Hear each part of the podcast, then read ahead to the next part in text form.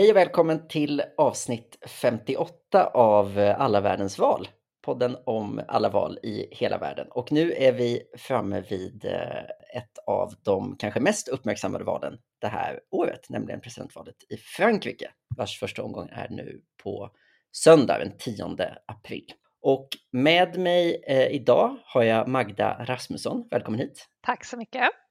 Du eh, har ju en lång bakgrund inom eh, svensk politik, bland annat som språkrör för Grön ungdom, riksdagsledamot och politisk sakkunnig i regeringskansliet.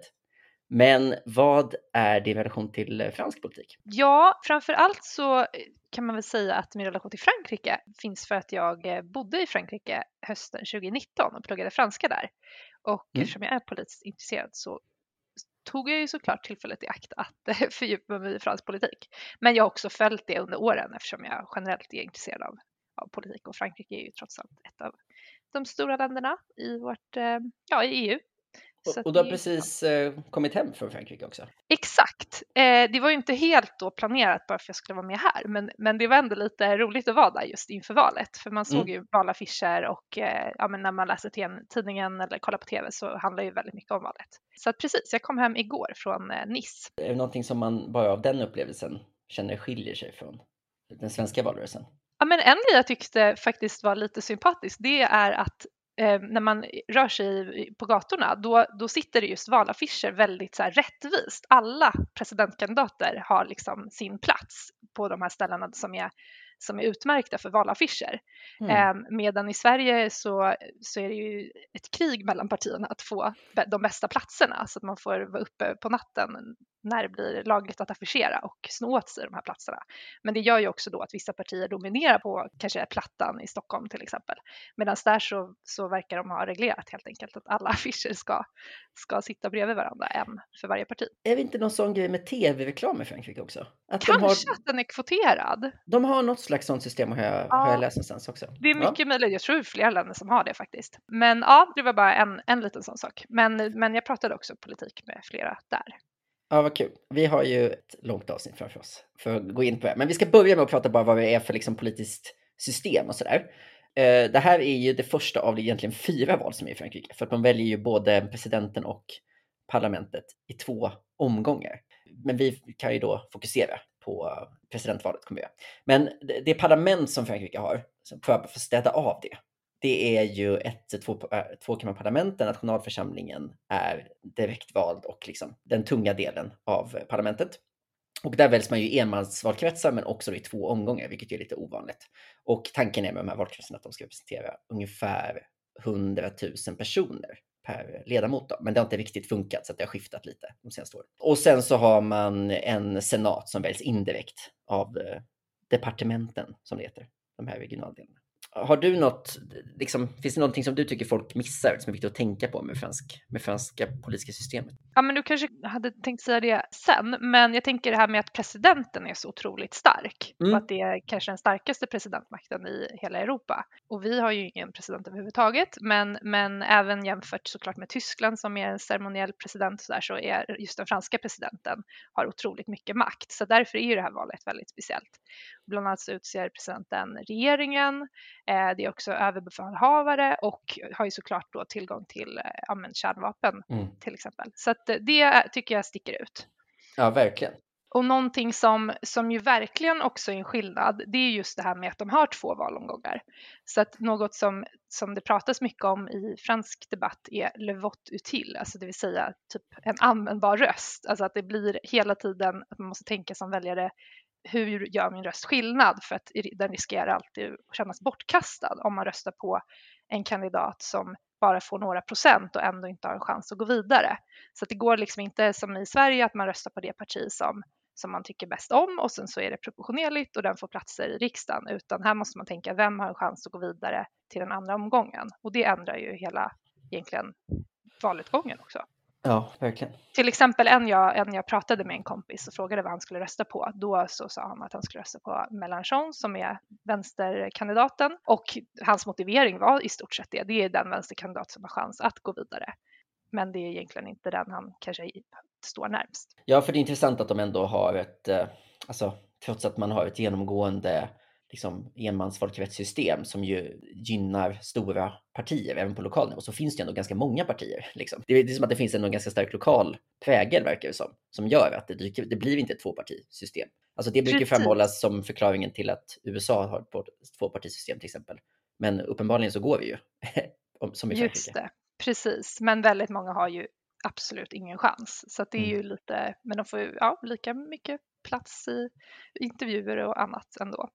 Ja, men precis, vi kan gå in på, på presidentposten då, som du sa, absolut den starkaste i Europa och eh, har ju varit det, inte liksom alltid. Frankrike har ju väldigt, det är ett väldigt uppmärksammat ja, sen franska revolutionen och sådär. Den konstitution man har idag heter ju den femte republiken som man säger. Som ju på något sätt tillkom när de Gaulle skulle lockas tillbaka till makten på 50-talet för att stabilisera landet. Så hade han lite krav på att det skulle vara mycket hårdare styrt och mycket mer makt hos presidenten. Och sen dess så har de det. Men eh, i början på 2000-talet så ändrade man från mandatperioder som var då sju år till fem år och man införde också en mandatperiodsbegränsning. Så det är ju ett väldigt liksom, vanligt eh, presidentsystem idag eh, om man ser globalt. Alltså två gånger fem år kan man bli vald om man blir vald med majoritet i två omgångar om det behövs. Men det är ju som du var inne på ovanligt i Europa. Det finns liksom inget annat europeiskt land där presidenten har så mycket makt. Och det spelar ju också stor roll eftersom det är, som du nämnde, så har de kärnvapen. Det är EUs största militärmakt va? och Europas och EUs näst största ekonomi tror jag. Ja, och jag tänker att det även mm, efter Brexit så har ju Frankrike fått en starkare roll inom EU också. Ehm, och är det andra landet med, ja, med kärnvapen och som sitter i säkerhetsrådet permanent och så. Så att de, mm, ja, nej, men det är ett viktigt val för Sverige och för hela EU. Och det här med mandatperiod och så där, det är faktiskt intressant för att det har inte eh, uppmärksammats så mycket i svensk media, men, men det finns det ju partier som vill ändra på också. Alltså till exempel mm. ta bort mandatbegränsningen och så. Så att det pågår liksom, det finns ett sånt spår i valdebatten som ändå kopplar an till konstitutionen och demokrati och sådär. Men det kan vi komma in på lite senare. Vad intressant, för det, jag tyckte att det känns som en så himla fransk grej från början. Att så här, de borde vara så, de är så nöjda med republik och att det är så här. Det känns som att det finns så mycket historia och typ nationell stolthet i det politiska systemet i Frankrike. Mm. Ändå håller de på att ändra hela tiden. Alltså de ändrar ju liksom konstitutionen jämt känns det som. Ja, ja nej, men kanske det, absolut. Och Mélenchon, han, vänsterkandidaten, mm. han vill ju till och med skapa en sjätte republik. Um, så de håller okay. på med sina olika faser här också ja. och har en ny konstitution som ska tas fram i en folkomröstning.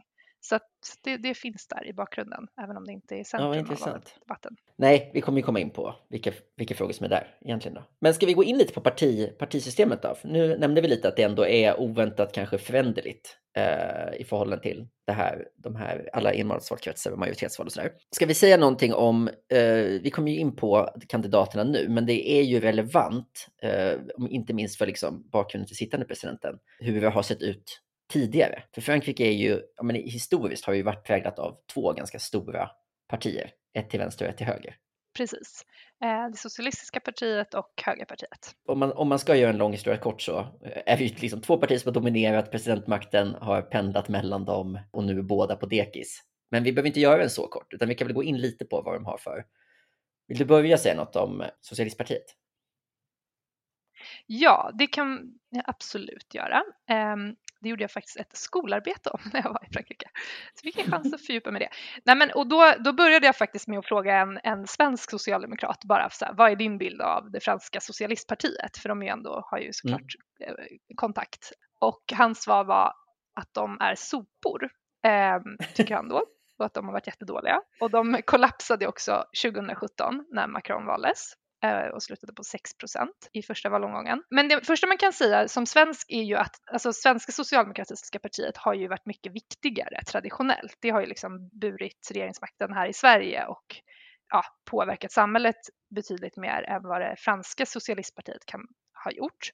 Um, mm, och sen de Gaulle och liksom efterkrigstiden så har det egentligen bara varit två socialistpresidenter, alltså Mitterrand och eh, Hollande. Och Hollande blev inte ens omvald och slutade som den mest impopulära presidenten i modern tid. Så att, eh, det är, ju bra att känna till. Men de har ju såklart varit jätteviktiga och de är fortfarande viktiga på, på lokal nivå, regional nivå runt om i Frankrike. Till exempel Paris har ju en socialdemokratisk borgmästare som också är deras presidentkandidat. Men de har då helt enkelt kollapsat och det finns ju såklart många anledningar till det och det är väl alltid svårt att koka ner till en sak. Men det är den här klassiska, tänker jag, förklaringen som man har pratat mycket om, liksom att så här, ja, men traditionella partier har haft svårt, eh, speciellt då i Frankrike, att behålla väljare och om man tänker att de, det socialistiska partiet har haft en allians mellan medelklass och arbetarklass och har arbetarklassen snarare valt det liksom de som är ännu mer till vänster, Mélenchon, eller det extremhögerns parti Nationell samling med Marine Le Pen medan mm. kanske medelklassen har ja, men lockats av Macron som har känts mer modern och sådär. Och dessutom i kombination med att Hollande ansågs vara en dålig ledare, dålig kommunikatör, svag, otydlig och så vidare. Eh, och de har ju fortfarande inte repat sig. Så det är liksom väldigt dramatiskt på ett sätt att ett så stort parti ändå eh, plötsligt är liksom helt uträknat på nationell nivå. Ja, verkligen. Ja, det är intressant. Det kan ju vara värt att, att påminna om det. Att Hollande var ju alltså den senaste presidenten innan, innan Macron och hans parti Precis. finns mer eller mindre inte, inte som Nej. en spelare. Precis. på hög nivå. Liksom. Och sen så har man ju också, eh, som du nämnde, att den statsbärande delen av, av fransk politik är ju snarare då någon slags liksom, konservativ eh, rörelse. Vi pratade om Eh, de Gaulle som vi inte behöver liksom, gå in jättemycket på. Men, eh, och de andra namnen som man kanske känner igen, du nämnde Mitterrand och Hollande. Men att kanske så här, Jacques Chirac och Sarkozy som jag har suttit, som nu är de två andra eh, presidenterna sedan 80-talet, har ju tillhört då det parti som idag heter eh, Republikanska partiet, som ju då är ett konservativt högerparti av klassiskt europeiskt snitt, um, men som det ju också går ganska Eh, dåligt för och som ju också haft en typ, vad ska man säga, eh, ett tapp till in till mitten. Man säga. Så att jag, jag noterar till exempel att båda de som har varit premiärminister under Macron är ju gamla republikanska politiker. Liksom. Så att även där finns det väl liksom någon, slags, någon slags sönderfall där, där typ den liberala delen av partiet går in i den här mer liberala mitten och där högerdelen har massa andra alternativ att välja på. Ja, nej, men det har ändrats. Ja, men man har inte ett lika dramatiskt sönderfall, utan där var ju eh, i, i, förra valet, om vi ska gå in lite på det 2017, för det var ju där som vi fick den scenen som man har idag, liksom, så var ju Fillon den dåvarande högerkandidaten, han var jättenära på att komma till andra omgången, men hade ju en skandal med sin, du kanske minns det bättre, men det var hans fru som på något sätt hade haft en någon slags skugganställning i administrationen ja, runt honom. Precis, man hade liksom ja, använt pengarna felaktigt på något sätt.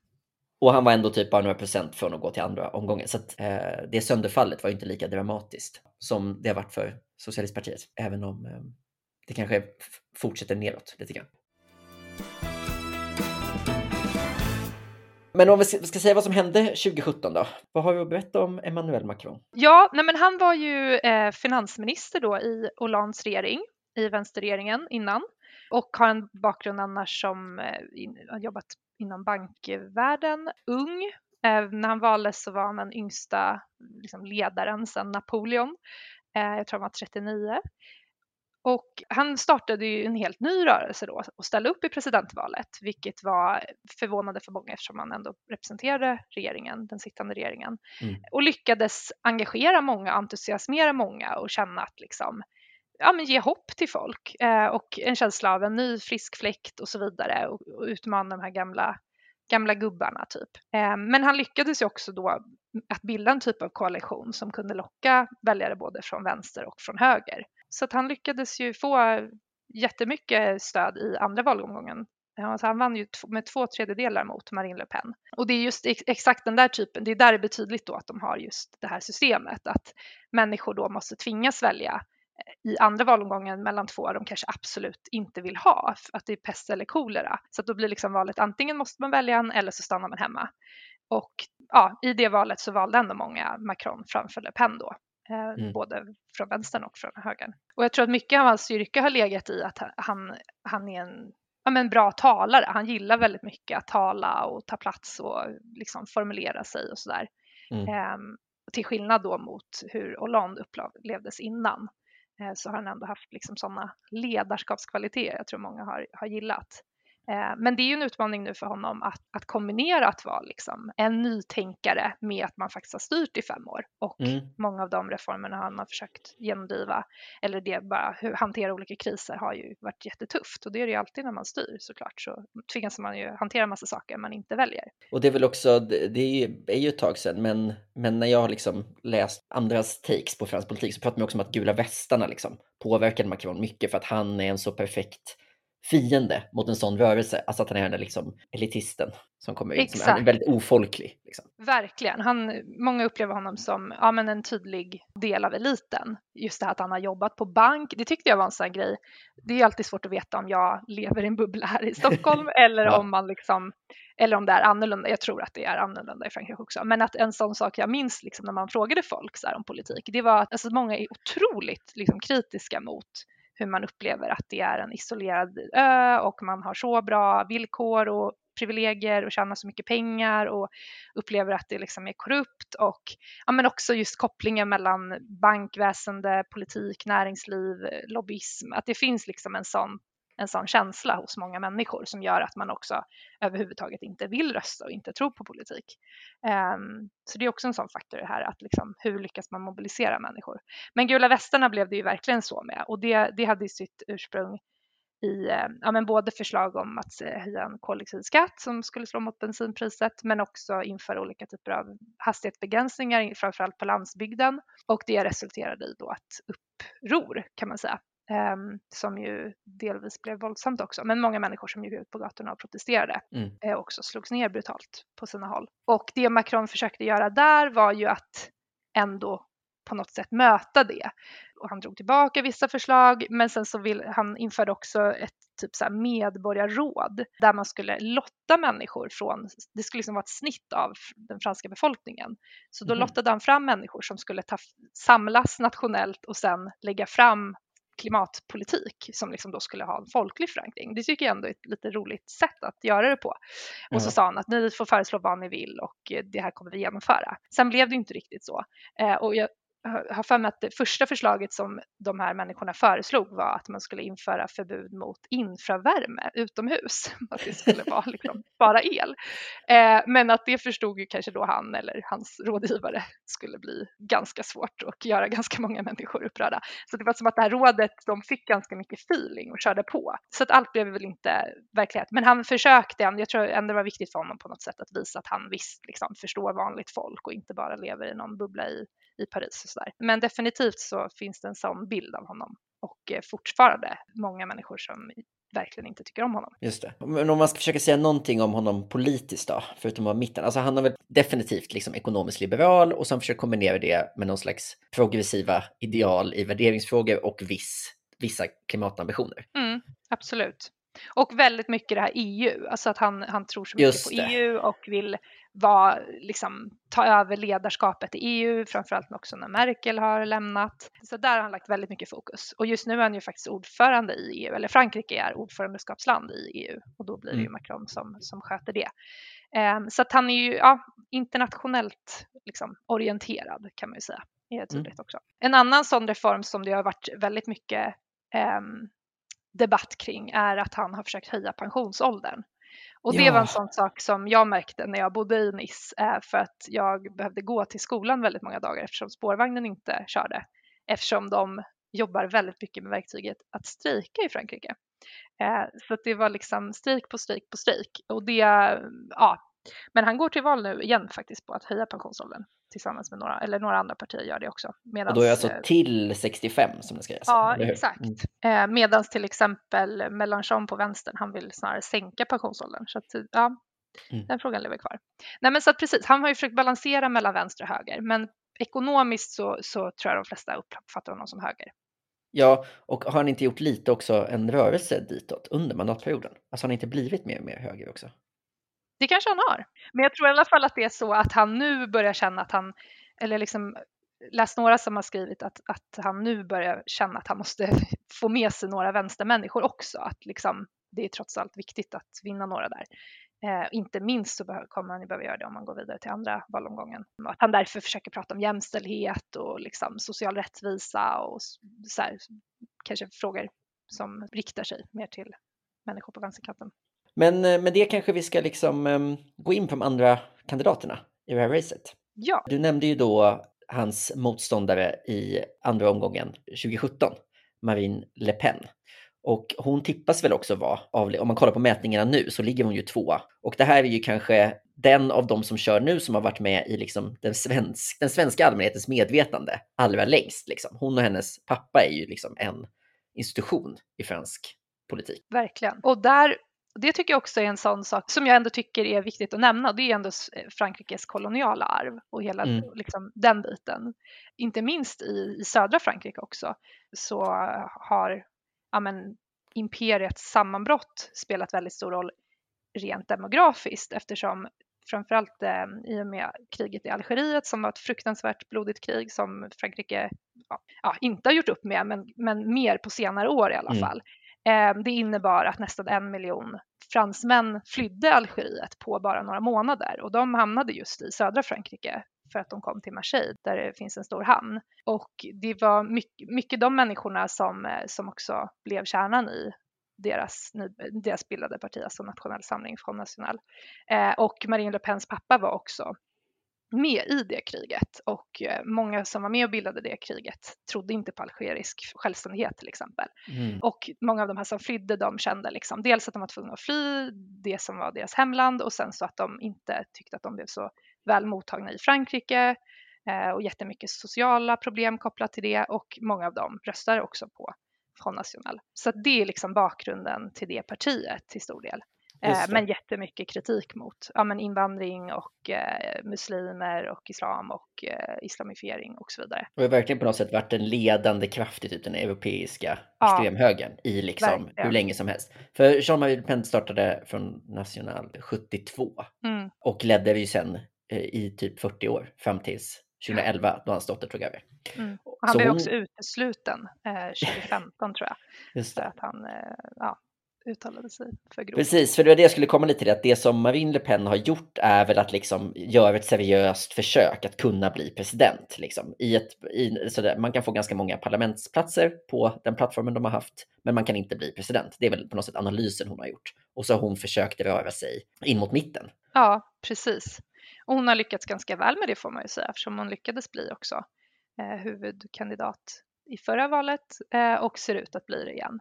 Ja, men nu apropå att hon har flyttat in, för så kan man väl säga, det är väl lite därför som det har dykt upp ett nytt namn på ytterhögerfältet eh, här. Ja, exakt. Det är då Zemmour som eh, man skulle kunna, vissa liknar honom vid en Trump figur eftersom han likt Trump har en bakgrund inom tv och har liksom varit en publikfigur, han har inte varit politiskt aktiv.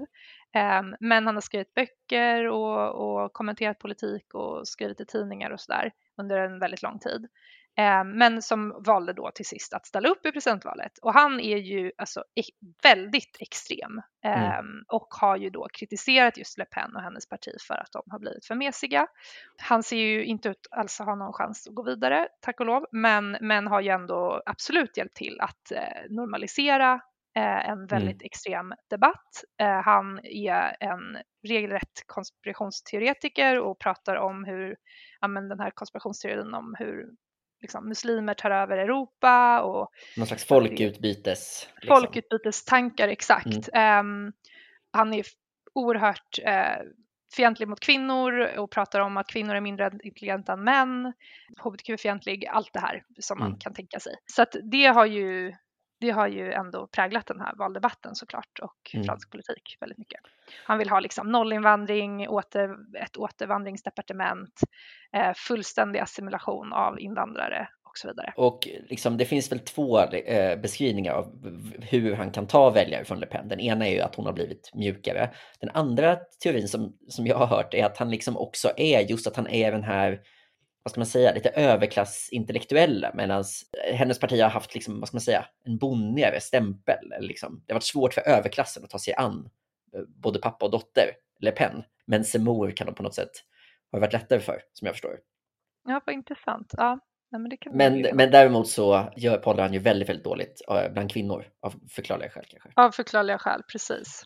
Och han dömdes ju också så sent som januari i år för folk mot, het, äh, folk mot hetsgrupp, hets mot folkgrupp och äh, efter att ha beskrivit barn som kommer till Frankrike som typ tjuvar och våldtäktsmän och sådär. Det, det skrämmer ju såklart också bort väljare. Ja. Och nu under kriget i Ukraina så har både Zemmour och Le Pen, eh, ja det har ju uppdagats eller belysts ännu mera hur, hur nära kopplade de har varit till Putin och de har uttalat sig väldigt positivt och så. Och det har också drabbat honom, dock inte henne lika mycket faktiskt. Men han Nej. har tappat sedan kriget började och det har gynnat Le Pen som har ökat. Just det. Och, men på ett sätt kan man väl tänka sig att det också gynnar Le Pen att Zemmour finns, alltså att hon inte är den mest extrema. Absolut, det tror jag verkligen. Och att han, han blir liksom, han, för många blir det ändå som att han inte är statsmannamässig, men mm. att hon ändå eh, blir det, inte minst då i ljuset av honom. Precis. Mm. Och hon har också tonat ner invandring en hel del eh, och, och eh, har satsat mycket just på så här plånboksfrågor och, och liksom stötta människor på landsbygden och sånt som, som har blivit allt viktigare nu när inflationen är väldigt hög eh, och bensinpriser och så. Så att hon framstår som mer ja, bred kanske också än vad han gör. Ja, men ska vi gå vidare till, liksom, för att ha gjort klart fältet åt höger, så finns ju då som vi nämnde Republikanerna. Eh, och de har ju för första gången typ, va? Jag tror att det är första gången som de har en kvinna, kvinna som mm. Jo, men det tror jag stämmer. Frankrike har faktiskt aldrig haft en kvinnlig president, så det är ju lite pinsamt. De har haft kandidater. Socialistpartiet de hade ju Ségolène Royal, mm. men hon förlorade eh, valet. Men precis, Pécresse. Som väl är typ en ganska, som jag förstår sig hon liksom en eh, väldigt eh, eh liksom kompetent, hon, har varit, hon var minister i sista Sarkozy-regeringen och har liksom burits upp som någon slags kompetent insidernamn. Men hon har typ en lite konstig position av att partiet kanske inte riktigt vet åt vilket håll de, de ska. Liksom. Alltså hon ligger, jag tror hon har fått en del kritik internt för att hon till exempel kanske ligger lite för nära Macron egentligen. Alltså hon är liksom en, en, mm. en vanlig högerpolitiker. Liksom. Alltså det, är lite, det är lite otydligt kanske för väljarna varför de ska välja henne ja. istället för Macron. Liksom. Precis, och han, det är ju därför han är skicklig just att han lyckats tilltala folk både vänster och högerifrån. Ja. Men, men precis, eh, nej men hon är, ju, hon är ju faktiskt den enda då i det här racet som har någon typ av chans som företräder ett av de här verkligen traditionella partierna. Men det går inte så bra för henne. Så det är ju alltså partierna, liksom institutionen partier kan man ju mm. säga, eh, inte klarar sig så bra i Frankrike. Går inte att jämföra överhuvudtaget med Sverige. Nej, eh, men, men precis, hon kämpar på. Det går inte så bra. Eh, hon har inte slagit igenom alls och eh, hon har liksom inte lyckats få det stödet kanske internt heller som man behöver ha i en valkampanj där just Sarkozy som du nämner, han har inte gått ut och sagt att han stöttar henne, vilket Nej. splittrar mycket och har skapat väldigt mycket irritation både mm. i partiet och såklart sänder ut jättedåliga signaler utåt. Så att den kampanjen, den flyger inte. Det är ju spännande vad som kommer hända med både henne och hennes parti här. Och det Pécresse trycker mycket på, det hon ändå försöker få till, det är ju att liksom stå för en höger som ändå är liksom kontrollerad och har ordning och sådär. Så hon försöker mm. profilera sig mot Le Pen och Zemmour som, som liksom, jag är klassisk höger, Macron är absolut inte höger, det är jag som representerar högern och vill ni ha en seriös höger så är det mig ni ska rösta på. Just det. Ehm, men det har då inte gått hem hos väljarna. Hon ligger alltså ungefär nu omkring 10 procent eller strax under um, och har tappat lite mot slutet av uh, valrörelsen. Um, och det som en annan sak som är intressant med henne som jag hörde är att det är liksom genuint svårt att veta vart hennes väljare går i en andra omgång. Uh, och det kan ju vara intressant. Liksom. Ju fler som är där, desto större osäkerhet finns det ju vad som kommer hända i andra omgången. Medan man vet kanske att Simons väljare kommer gå till Le Pen så vet man inte riktigt vad som händer med Pécresse-väljarna. Precis. Men då har vi eh, alla de här alla högerpartierna utstakade. En ganska stor höger får man ju säga. Ja. Sammantaget. Och det är också ett ganska konservativt land, får man ändå påminna sig själv om. Just det. Um, så att det är lite mer lätträknande, framförallt då eh, procentenheter på, på mm. vänstersidan. Men om vi ska gå in där då, så kan vi, apropå då, så kan vi ta det andra stora eh, partiet, eh, Socialistpartiet, där du, du ju nämnde eh, Anne Hidalgo som är Paris borgmästare, som ju är Socialistpartiets kandidat nu. Men hon ligger ju alltså bara på 2% ungefär i de senaste mätningarna. Det, det är ju liksom, om det var en skam förra gången när de hamnade på 6% så är det här, ja men det är ju att utraderas. Ja. Eh, får man ju säga. Och då är hon ändå en profilerad politiker. Mm. Men det är väl där det ändå blir liksom just det här med valsystemet, hur det påverkar, att det blir så tydligt att liksom hon hade ingen chans att bli vänsters kandidat redan Nej. från början. Och då kommer man liksom inte igen. Även om jag kan tänka mig att det ändå finns säkert en stor grupp som skulle liksom vilja rösta på henne. Men då behöver du Mm. göra det här taktiska valet och då blir det Macron eller Mélenchon som i det här fallet har en chans. Ehm, men Ja, det, och vi ja, kanske, ska, vi kanske ska gå över till honom då. Mellan Ja, det kan vi göra. Och han har ju då varit med ganska länge. Det här är tredje gången han ställer upp i presidentval. Han Mm. är populär, han har ganska liksom stark bas och det har gått bra för honom i valen också. Jag tycker också det är intressant att i Frankrike så säger man, man pratar om extremhöger och extremvänster och han är då partiet som man säger är, ligger inom extremvänstern. Så pratar inte politiska journalister i Sverige. Nej, nej. Ehm, politiker kanske gör det, man säger att Sverigedemokraterna är extremhöger, men, men där är det, ganska, alltså, det är så man säger. Just Så det. han är då extremvänster. Men ja, många klassiska vänsterfrågor. Han vill höja minimilöner, stärka sociala rättigheter ehm, och så vidare. Och det går bra för honom kan man säga. Han har väl också precis som högerkandidaterna haft lite besvärlig relation till, till Ryssland och Putin också? Ja, det har han. Han har, eh, har varit emot sanktioner eller är emot sanktioner. Han är också väldigt, ehm, väldigt för att man ska gå ur den högsta ledningen inom NATO, eh, vilket man gjorde tidigare. Alltså tror väldigt mycket på neutralitet och suveränitet, väldigt emot USA och det präglar också det här kanske att han, han har inte liksom varit den tuffaste mot Ryssland direkt, eh, tvärtom. Och det, har ju, det finns traditionellt inom, inom Frankrike att man är just väldigt kritisk mot USA inom vänstern. Men även inom högern, alltså Le Pen och Zemmour vill också minska liksom, inflytande eller beroendet av NATO. Så att där enas kan man säga då extremhöger och extremvänster i någon sån typ av både så här mjuk mot Ryssland och att man vill inte vara så beroende av NATO som man är. Ja, det känns på ett konstigt sätt som att den här hästskoteorin som brukar mycket utskälld om att så här, på extremerna möts på något sätt på mitten. Det känns som att den är mer sann i Frankrike än på andra platser. Till exempel Ja. så jag, jag tror också att Mélenchon, alltså att i förra presidentvalet där han ju också var med och också pollade eller hamnade strax under 20 procent så gick det ganska bra för honom då också. Han är ju ingen raket nu. Men då gjordes det någon slags pakt om att så här, vi lovar att inte rösta på eh, Le Pen. Att eh, liksom alla andra Mm. partier på något sätt gick ihop i någon slags Precis. etablissemangsuppror. Och han var inte med på det. Liksom. Nej, och han har sagt även inför den här valomgången att om han inte tar, tar sig vidare till andra valomgången då kommer han fråga sina typ, sympatisörer eh, vad de tycker, om de ska rekommendera att rösta på någon eller om de ska uppmana att man inte ska rösta alls. Eh, men Okej. precis som du säger så, förra gången så, så var det snarare att uppmana att man inte ska rösta och det är ändå ganska, det säger något om att han verkligen inte är nära Macron då, som man Nej. kanske kan tänka sig att de ändå har någon sån värderingsgemenskap. Då är det liksom inte så, utan det, då är Le Pen och Macron lika dåliga Mm. i, hans, i hans värld. Men precis, han vill till och med lämna NATO, ska jag undersöka. Eh, Mm. Även om man väl har sagt nu efter kriget att man ska göra det på något ordnat sätt. Just. Kanske inte just nu. Men, men han är verkligen inne på det här att NATO har bidragit till spänning.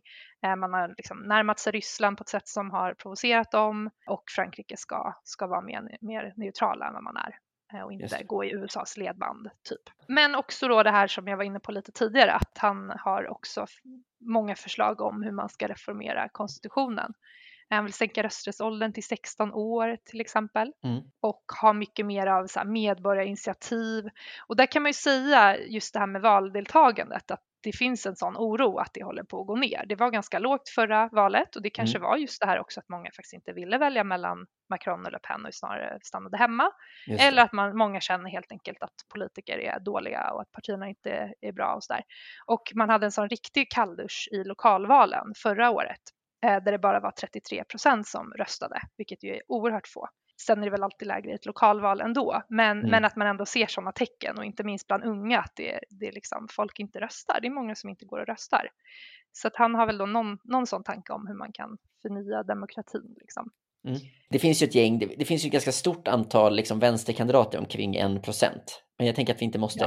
eh, Nej, eller någon det enda man kan nämna. säga om det är väl bara att jag tycker att det, det är ändå också en skillnad mot Sverige, att det är flera som kallar sig kommunistiska och Mm. liksom pratar om att man ska lämna kapitalismen och, och det är liksom också ett språk man, inget parti hade kunnat säga det i Sverige. Precis Nej. som att inget parti hade kunnat säga att det är USA eller NATOs fel att Ryssland angriper Ukraina. Nej. Så att det är ändå, jag tycker ändå att man, och ja, liksom det här med folkutbyte, så det är väl SD inne på då och då, men, men liksom att vara så öppen med det och vara liksom Mm, mm. så, det, det visar ändå på att bredden och så är mycket, mycket större i Frankrike eh, Mm. i, i debatten. Just det. Men vi ska väl lämna också den gröna kandidaten? Det Jadot. tycker vi ska göra.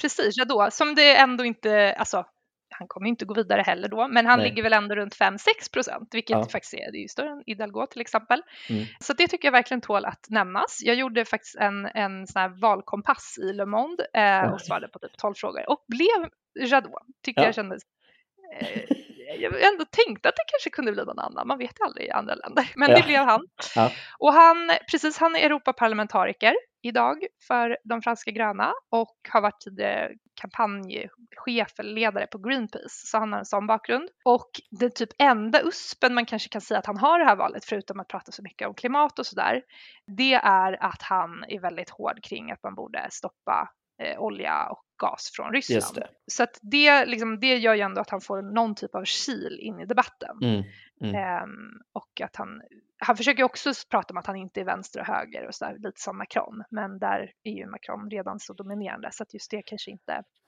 lockar så många. Men även om inte han har någon chans eh, så har ändå de franska gröna haft, de gjorde just väldigt bra i det här lokalvalet förra året. Kanske mm. också säkert för att det var lågt valdeltagande skulle man kunna tänka sig att deras väljare ändå går och röstar. Ja, just det. Så de är säkert mer välutbildade och sådär. Men eh, så att de har faktiskt borgmästare i flera stora städer, typ Lyon, Strasbourg, Bordeaux till Aha. exempel. Så det är ändå ganska coolt tycker jag. Det. det. blir ju så då när man har precis att vissa partier kan ha, vara starka ändå på lokal nivå. Just det, men det kan man ju hålla utsikt efter då i um, juni när det är parlamentsval så kanske man har ett Ja, Kanske precis. där man kan se den trenden snarare.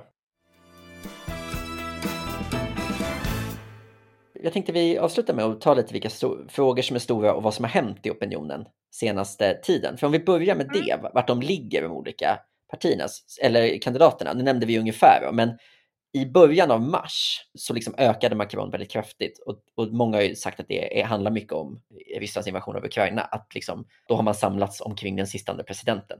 Så att han, han hade ungefär 30 procent någon vecka in i mars och sen så har han stadigt eh, minskat och ligger nu ungefär, tillbaka ungefär på där han låg, liksom har legat stadigt, alltså omkring eh, 25 procent av väljarna.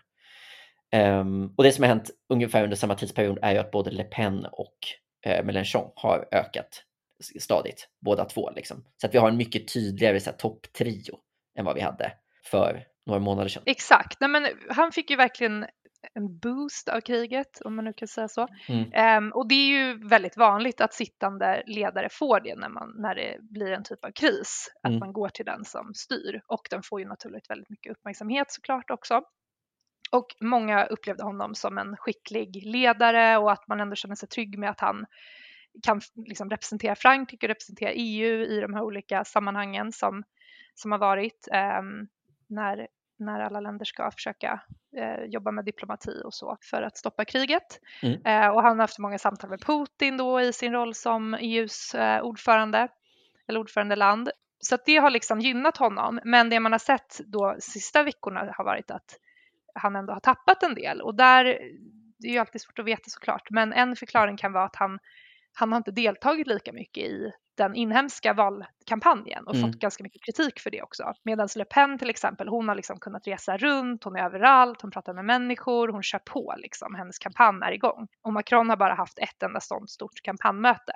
Och nu har det snarare kanske då än att man är väldigt orolig över kriget har det också blivit tydligt vad blir effekterna för vanliga fransmän av kriget och där mm. är ju precis som i Sverige så, så ser man ju det på sina elräkningar och eh, kostnaden för bensin och så. Eh, och där har Le Pen varit, hon var tidigt ute och prioriterade just sådana plånboksfrågor mm. eh, och att hon har stor trovärdighet där liksom ändå som den också populist hon är, att liksom stad mot land och hon står på den lilla människans sida och, och så. Eh, så att hon har gynnats de senaste veckorna då, trots hennes kopplingar till Putin och Ryssland. Hon fick ju ett lån, ett ryskt lån för sin valkampanj förra valet, mm. som hon ju har behövt hantera nu då såklart och träffade även Putin då och har uttryckt sig gillande om honom som en, en bra ledare. Men det har inte hennes väljare skrämts av vad man kan se, utan hon går fram så att det blir ändå spännande mellan dem, lite för spännande tycker jag då, som inte alls sympatiserar med henne kan man säga. Om man ser den senaste, den senaste sammanvägningen av eh, mm. så ligger Macron alltså på 27 och Le Pen på 22 nu. Mm. Eh, och Mélenchon på 16. Det, ja. Eh, det är väl troligt va, att det blir Le Pen och Macron i andra omgången. Det är troligt än så länge och då blir verkligen frågan vad som händer i andra valomgången. Om Ja. Macron lyckas göra om det han gjorde sist, nämligen ändå vinna väldigt överlägset eller inte. Är det några andra frågor liksom i, som är stora i opinionen nu? Än, Ja, men eh, en fråga som inte är stor men som jag ändå tycker förtjänar nämnas, Ja. eh, det är jämställdhet. ja, För det här är ju ändå det första valet sedan metoo som var väldigt stort i, i. Frankrike också. Eh, precis som det var här. Och där ser man också att det är en viktig fråga för eh, unga kvinnor. Och det är ingen grupp som liksom lyfts fram som någon så avgörande grupp, men jag tycker ändå att det kan vara värt att nämna. Och det har Pécresse lite försökt liksom anamma och hon har Mm. pratat om metoo och sådär. Men det har inte lyft henne. Men det har liksom varit en, en stor debatt ändå nationellt. Eh, Frankrike har ju varit jättekonstiga med den typen av frågor. Eh, till exempel när det gäller byxmyndighetsålder har de inte haft en sån, men det har Macron infört då nu, eh, Mhm. att man ska ha det vid 15 år.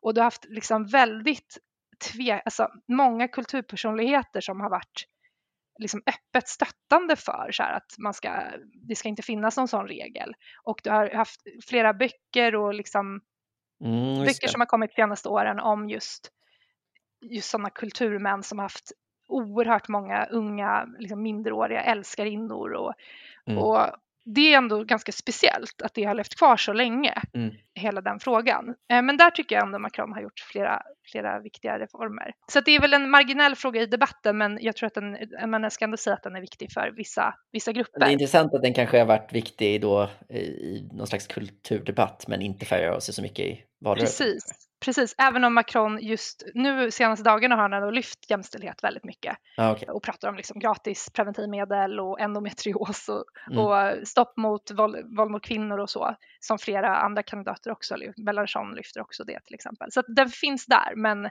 men den är inte liksom toppfråga. Men den absolut viktigaste frågan är, det är plånboksfrågor har det blivit.